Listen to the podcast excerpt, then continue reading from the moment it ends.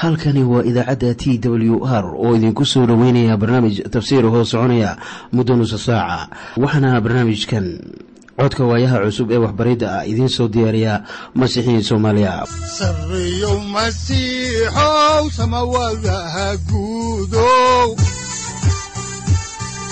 Siraadkii adduunkow subanaha eebow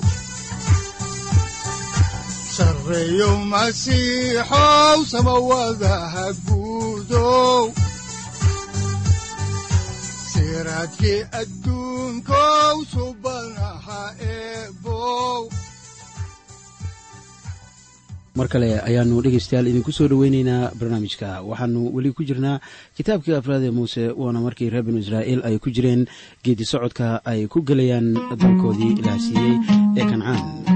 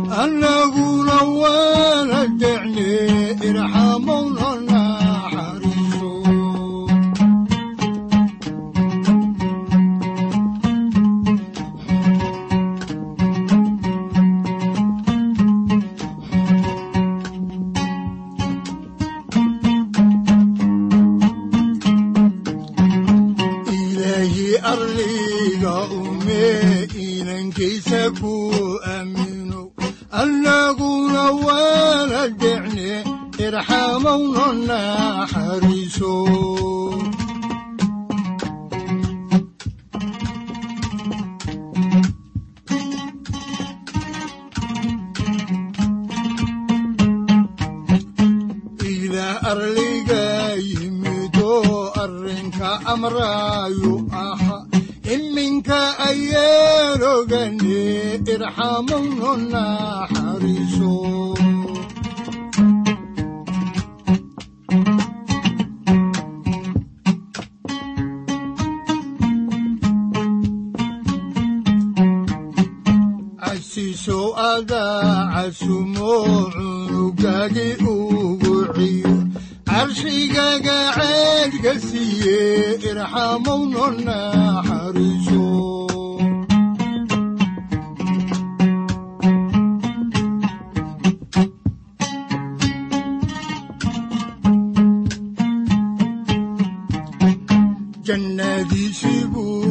jire annagou noo jiir damqado jaaxiimow naga joojiye waxay inoo joogtay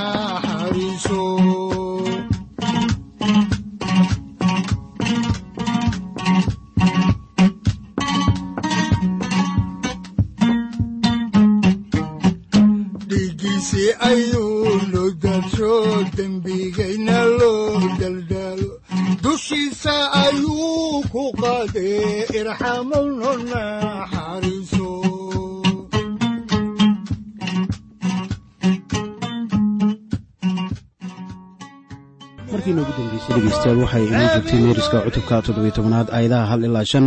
Markaasoo ilaah sharci u soo dejiyey madaxda qabiilada reer laawi waxaana ilaah ushii haaruun uu ka dhigay in ay ubxiso sida laangeed ku taalla. Waxaana taasu ay ka macno tahay in mar dambe aan laysku qabsan hawsha wadaadnimada iyo tan hoggaanka hoggaanka ama boqortooyada waxaa la siiyey reer yahuuda. Ah haddaba reer binu israa'iil waxa ay muran ka keeneen hawsha wadaadnimada waxaana ay yidhaahdeen suuragal maaha in haaruun kelidiis wadaad ahaado. Ilaahna taas kuma farxin waayo waxaa bilowday fallaaganimo. Haaruun looga soo horjeedo.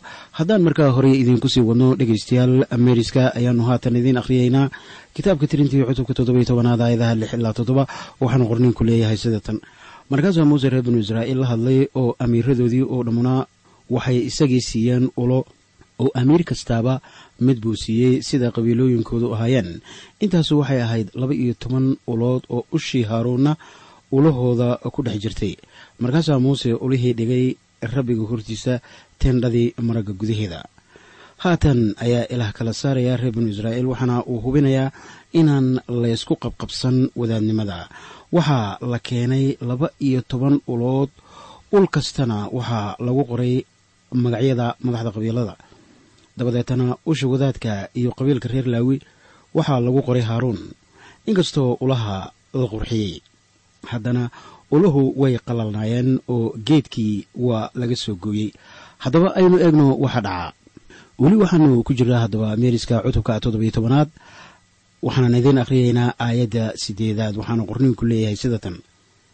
Maalintii dambe waxa ay noqotay in muuse galay teendhadii maragga oo baleeg. Wuxuu arkay ushii haaruun oo reer laawi oo magooshay way magooshay wayna u bixisay oo waxa ay dhashay iyo cibsil waxaa halkan aynu ku arkaynaa haddaba in geed dhintay la soo nooleeyey.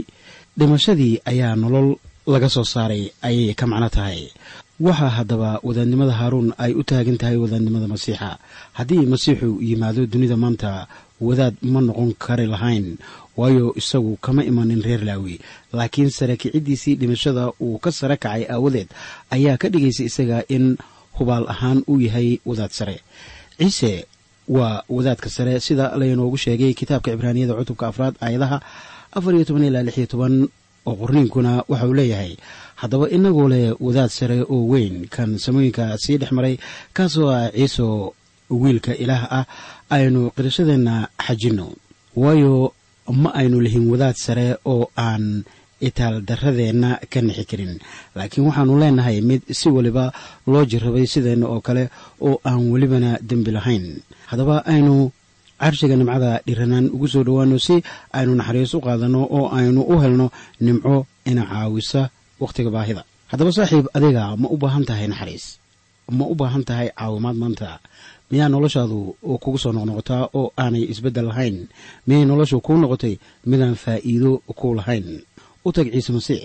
Haddaan horey idinku sii wado haddaba meeriska cutubka toddobiyo tobanaad ayaa waxa aan idiin akhriyayaa aayadaha sagaal iyo labaatan waxaana qoran sida tan hoos ku xusan. Markaasaa muuse ulihii ka soo qaaday rabbiga hortiisa oo waxa uu keenay reer binu israa'iil oo dhan oo way fiiriyeenoo nin walba ushiisiibuu qaatay. Markaasaa rabbigu muuse ku yidhi usha haaruun dib ugu celi maragga hortiisa in iyada loo haysto calaamo ka geesa dadka caasiya. Inaad iga joojisid gunuuskooda ay ii gunuusaan yaanay iyagu dhimane haddaba ushii wadaadka ee haaruun lahaa ee ubxinaysay calaam ahaan ayaa loo geliyey sanduuqa maragga ushaasu waxa ay ka mid ahayd saddex shay oo ku dhex jiray sanduuqa axdiga waxaana ka mid ahaa baaquligii dahabka ahaa ee mannadu ay ku jirtay ushii magooshay ee haaruun iyo looxa tobanka sharci uu ku qoran yahay. Haddaba ushaas ubxinaysay ee haaruun ayaa xal waara ka keentay in dadku mar dambe haaruun ay ku qabsadaan wadaadnimada waxaa haddaba intaa inoogu soo dhammaanaya dhegaystayaal cutubkii toddobiyo tobanaad waxaana aan si dawaaliya idinku bilaabaynaa cutubka siddeediyo tobanaad ee kitaabka trinity. Kitaabkan waxa uu ka kooban yahay haddaba xaqiijinta haaruun. Loo xaqiijiyey in isaga iyo farcankiisu ay yihiin wadaadada ilaah. Waxaana aan soo aragnay caasinimadii qorax iyo laba boqol iyo kontonkii amiir ee reer binu israa'iil ee ka horyimi hawsha rabbaaniga ah ee muuse iyo haaruun ay hormuudka ka ahaayeen. Taasoo bilxaqiiqa ahayd xumaan ilaah looga horyimid ama looga soo horjeeday muusena dhimashadii amiirada iyo qorax cuqdad kama uu qaadin.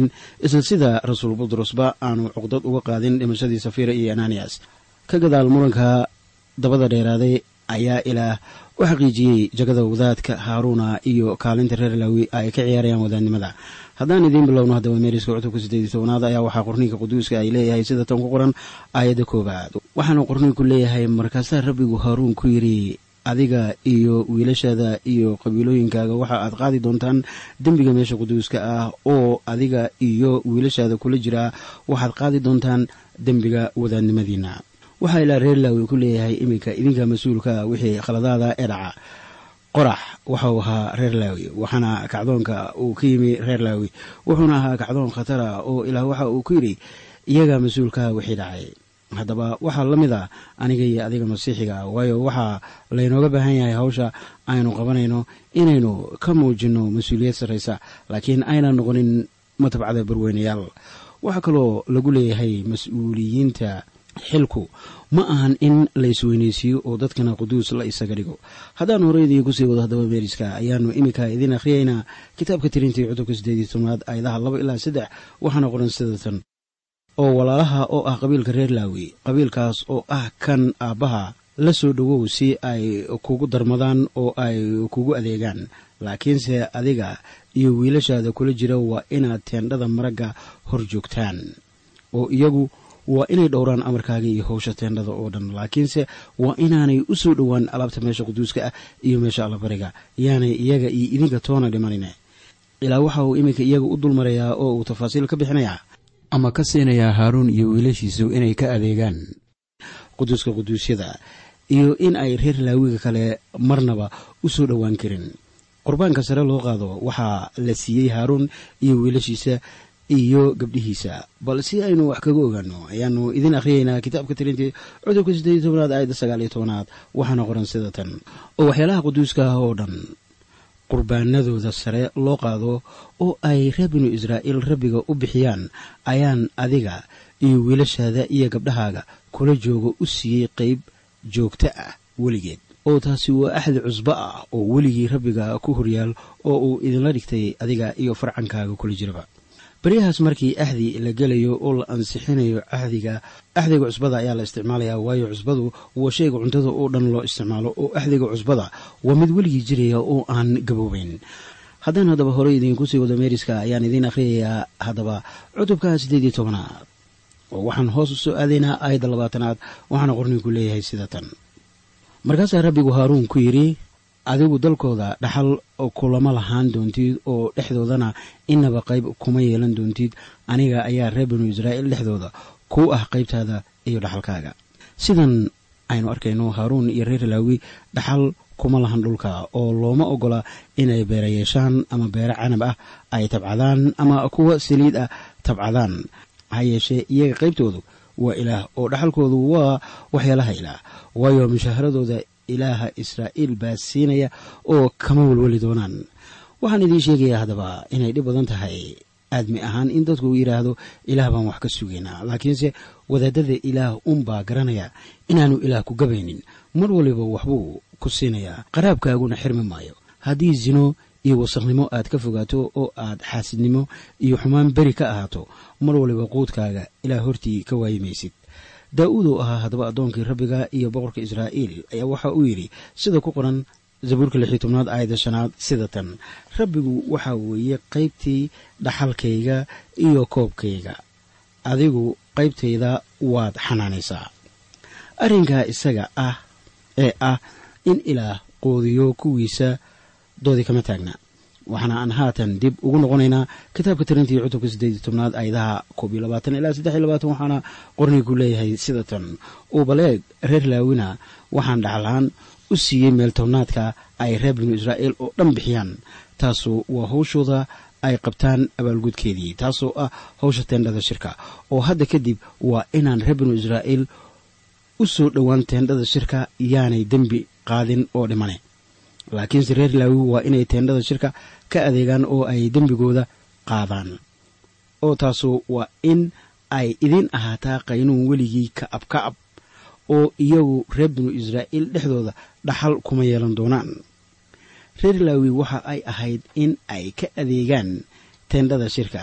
Wixii ilaah loo bixiyo ayay qayb ku lahaayeen oo waxay ahayd in waxyaabaha beeraha ka soo go'a ee la keenayo teendhada shirka in iyagana qaybtooda laga siiyo.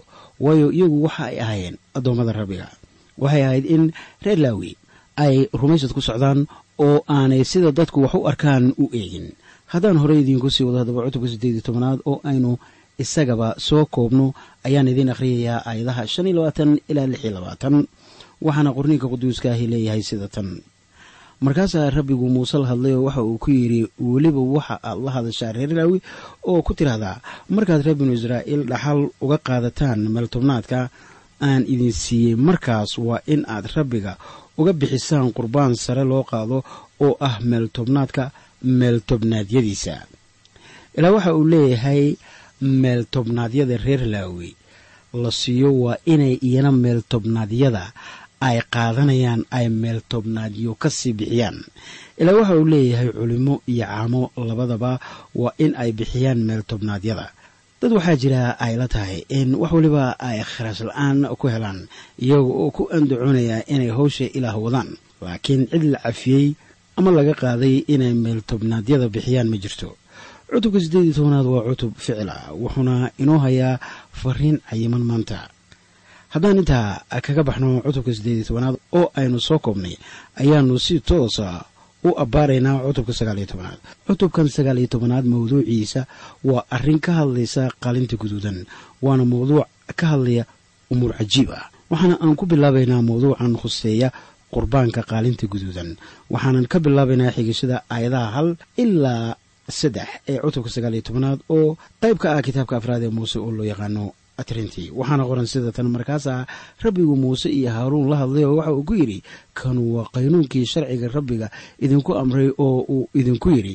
Reer binu israa'iil la hadla oo waxaad ku tidhahdaan noo keen qaalin lo'aad oo cas oo aan bar iyo iin lahayn oo aan weligeed harqood la saarin oo waxaad iyada siisaan wadaadka elecazaara oo isagu iyada hageeyo xerada dibaddeeda oo hortiisa waa in lagu gowracaa waa markii koowaad oo haddaba laynoo sheegayo waxa la bixinayo markan inay yihiin neef dhediga.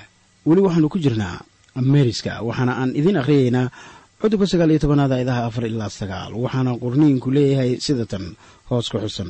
Oo markaas wadaadka ilacazaara waa in uu dhiiggeeda farta ku qaadaa oo uu dhiiggeeda toddoba jeer ku rusheeya xagga teendhada shirka horteeda oo waa in qaalinta hortiisa lagu gubaa haraggeeda iyo hilibkeeda iyo dhiiggeeda iyo uuskeeda waa in la wada gubaa oo markaas waa in wadaadku soo qaadaa qoryo ah geed kadar la yidhaahdo iyo husub iyo wax guduud ah oo waa in uu ku dhex tuuro dabka qaalintu ku gubanayso. Oo markaas wadaadka dharkiisa ha maydho oo jirkiisana biyo ha ku maydho oo markaas kadib xerada ha soo galo. Oo tan iyo fiidka wadaadka nijaas buu ahaan doonaa oo kii qaalinta gubanaa dharkiisa biyo ha ku maydho jirkiisana biyo ha ku maydho oo isna tan iyo fiidka nijaas buu ahaan doonaa. Oo markaas nin daahir ahu ha soo ururiyo qaalinta dambaskeeda oo meel xerada dibaddeeda oo nadiif ah ha dhigo oo shirka reer binu israa'iil ha lagu dhigo biyaha nijaasta daahiriya. Waayo iyadu waa dembi qurbaankiis waa arrin haddaba cajiiba habase yeeshee sideebaa loo isticmaalayaa dambaska qaalinta guduudan ee qurbaanka. Balaynu meeriska halkiisii idinka sii wadno oo hoos ugu dhaadhacno cutubka sagaal iyo tobnaad aayadaha toddoba iyo toban ilaa sagaal iyo toban waxaana qorriinku leeyahay sida tan oo nijaasta aawadeed waa in loo qaadaa dambaska qurbaanka dembiga oo la gubay oo biyo socda waa in weel lagula shubaa oo markaas waa in qof daahirahu geed husub ah soo qaadaa oo uu biyaha daraa oo kolkaas ha ku rusheeyo teendhada iyo weelasha oo dhan iyo dadkii halkaas joogay.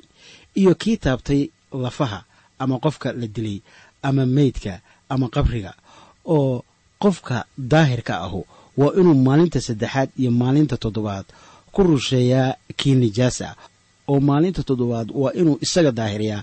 Markaa dharkiisana ha maydho jirkiisana biyo ha ku maydho oo markaas fiidkii daahir buu ahaan doonaa arrin aan caadi ahayn ayaa halkan ka dhacay laakiin waxa ay leedahay asbaab wanaagsan.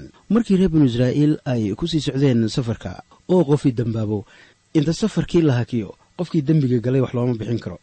Marka waxaa la doonayaa markii reerku dego in wixii eed iyo khalad ahaa oo la galay la wajaho. Haddaba sidan ayaa la yeelayaa inta safarka lagu jiro haddii qofii uu dambaabo. Qaalintii qurbaanka loo bixiyey dambaskeedii ayaa biyo socda lagu shubayaa waxaana lagu darayaa geed hooseba dabadeetana waxaa lagu firdhinayaa kii dambaabay wuuna isdaahirinayaa. Haddaba arrinkaasu wuxuu u muuqdaa mid cajiib ah oo dadku aanay garan karin. Ciise masiix sidaas kale ayaa uu ku sameeyey xertiisa ka gadaal markii uu cagaha u dhaqay. Butros ayaa damcay inuu yidhaahdo cagaha ii dhaqi maysid saydow. Markaasaa masiixuu ku yidhi haddaanan cagaha kuu dhaqin qayb iguma lihid. Marka isdaahirintu waa qayb ka mid a dhaqan soo jireena oo wax looga qaban jiray dembiga. Ciise masiix weli wuu inoo duceeyaa oo inkastoo uu samada joogo weli howl buu inoo hayaa. Haddaba markii aniga iyo adigu aynu maanta dambaabno ayaa waxaa hadalka qorani inoo sheegayaa in dhiiggii ciise masiix uu inaga nadiifiyo wasakh iyo qurun oo dhan. oo waxaa rasuul yooxanaa leeyahay sida ku qoran warqaddiisii koowaad cutubkood aayadda sagaalaad. haddii aynu qiranno dembiyadeenna isagu waa aamin iyo caadil inuu inaga nadiifiyo dembiyadeenna oo uu inaga tirtiro xaqdarrada oo dhan.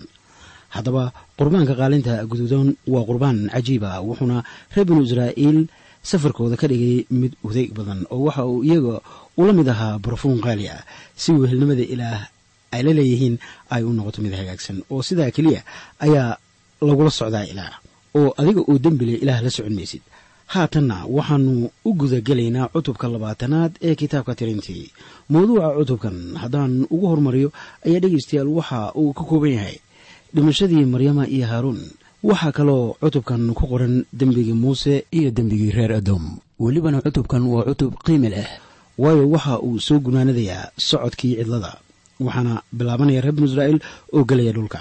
Qaybtan ka bilaabataa cutubka afar iyo toban ee kitaabka tirintii ilaa labaatan waa qaybta keliya ee khusaysa markii reer binu israa'iil ay ku dhex lugeynayeen cidlada. Israa'iil haatan waxa ay ka baxeen doonistii ilaah waa wakhtigaasi marka cutubyada kore ee ka bilowda afar iyo toban ilaa labaatan waa cutubyo aanay wax sidaa u badan aanay ku qornayn waayo israa'iil baa xadgudubtay oo diiday in ay dalka gasho waxaa keliya oo ku qornaa dhacdooyin aan badnayn muddadii afartanka sannadood ahayd ee ay cidlada ku warwareegayeen saaxiib waa run in aniga iyo adigaba. Aynaan waxba ahayn markaanu ku joogin doonista ilaahayo. Markii aniga iyo adiga aynaan ka dhex shaqaynaynin ururka rumaystayaasha oo aynaan hadiyadda layna siiyey ku shaqaynaynin ruuxa quduuska ah waxaanu noqonaynaa taayirada loo yaqaan celinta ee gaariga markii uu buur fuulayo oo keliya loo baahan yahay. Iminkana waxaanu soo gaarnay maadada kale ee ah qaadeesh kadib soddon iyo toddoba sannadood oo reer binu israa'iil ay cidlada wareegayeen. Haddaan hore idinku sii wado haddaba meeriska cutubka labaatanaad ayaannu idiin akhriyaynaa aayadda koobaad waxaana qoran sida tan. Oo reer binu israa'iil xitaa shirkii oo dhammu waxay cidlada siin yimaadeen bishii koowaad. Markaasaa dadka waxa ay degeen qaadeesh oo maryanna halkaasi ku dhimatay oo halkaasaa lagu aasay halkan waxaa inoogu qoran haddaba dhimashadii. Maryan oo waxaa halkan lainoogu siiyey oo keliya hal aayad. Waxaana aan arkaynaa inaannu ahayn aas baroordiiq weyn loo sameeyey. Mana lahan hadallo ammaana ama hadallo tiiraanyale laga tiriyey geeridaas. Waxaa qoriinka uu leeyahay maryan way dhimatay oo waa la aasay. Intaa keliya ayaa laynooga sheegayaa. Haatan waxay dib ugu soo noqdeen cidladii qaadeesh. Waxay reer binu israa'iil iminka yimaadeen inta soddon iyo siddeed sannadood ka hor. Iminka ayay haddana ku soo laabteen. Haddaba sannadadii ay warwareegi jireen cidlada ma ahayn sannado barako iyo khayr u lahaa iyaga laakiin khibrado badan ayaay ka heleen. Waayo kuwo badan oo innaga ah ayaan dunidan u arag sida inay safar ku jiraan. Laakiin xaqiiqdu waxa ay tahay in innagu aynu nahay socoto. Waxaana haatan aynu soo gaarnay dhegaystayaal gunuuskii toddobaad. Haddaan hore idiinku sii wado haddaba meeriska cutubka labaatanaad aayadaha laba ilaa afar. Ayaa waxaa qorninku leeyahay sidatan oo shirkiina biyo ma haysan oo markaasay muuse iyo haaruun u wada gunuuseen kolkaasaa dadkii muuse la dirireen wayna la hadleen oo ku yidhaahdeen waxaa noo roonayd inaannu walaalahayo iskala dhimanno markay rabbiga hortiisa ku dhinteen. Bal maxaad shirka rabbiga cidladan ugu keenteen si aan annaga iyo lo-dayaduba halkan ugu wada dhimanno dabcan hadalka way iska leeyihiine runka ma aha. Ma jiro mid innaga ah ama inaga mida oo doonaya inuu dhinto. Marka gunuusida ay ilaah u gunuusayaan wuxuu ahaa kii toddobaad. Waxaana ay iminka ka calaacalayaan biyola-aan habeen dambe ayaanu halkii idinka sii wadi doonaa dhegaystayaal barnaamijka.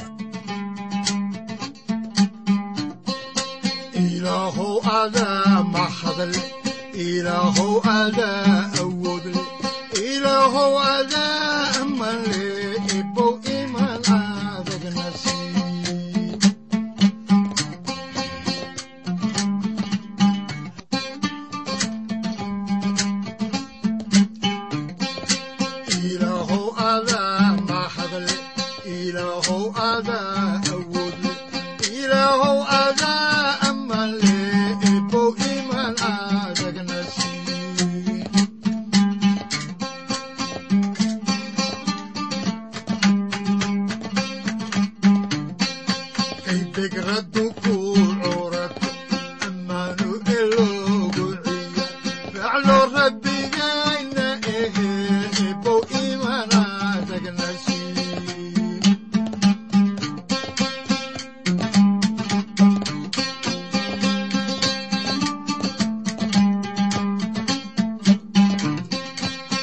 rankii muraadilo udhacdilay baytulax kii ka soo baxaana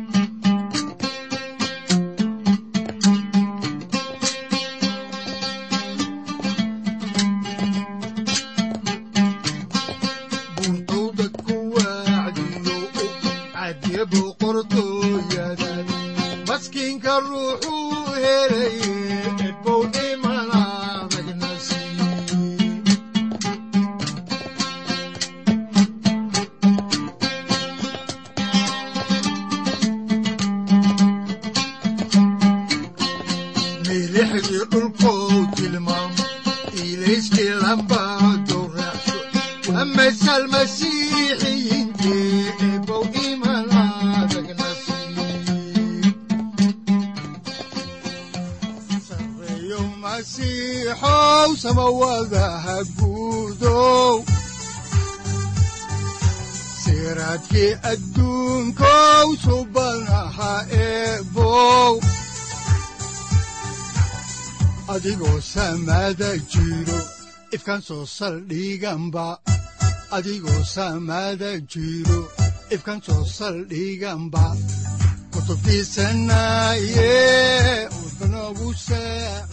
halkani waa t w r idaacadda t w r oo idinku leh ilaa ha idin barakeeyo oo ha idinku anfaco wixii aad caawi ka maqasheen barnaamijka.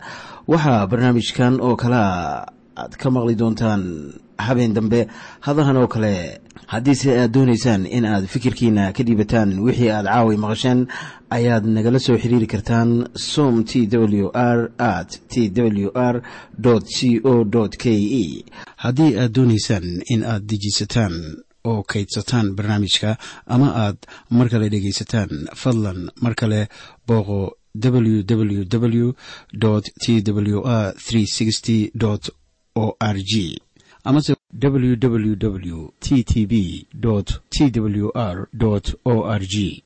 Amase waxaad teleefoonkaaga ku kaydsataa ama ku download garaysataa agabyada ku sahli karaa dhegeysiga t w r haddii aad doonayso in laga kaalmeeyo dhinacyada fahamka kitaabka amase aad u baahan tahay duco fadlan fariimahaaga soo mari bogga aaraahda ama kommentska inana jawaab degdeg ah ayaanu ku soo diri doonaa amase ku siin doonaaye.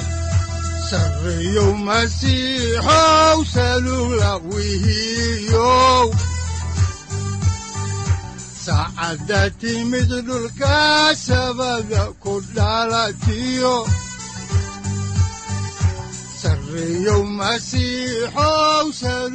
halkani waa t w r oo idiin rajaynaya habeen baraare iyo barwaaqaba leh. Inta aynu ka gaari doono wakhti aynu ku kulanno barnaamij la mida kan caawayay aad maqasheen. Waxa aan idinku leeyahay nabadda ciise masiix ha idinku badato xagga jidhka iyo ruuxaba. Aamiin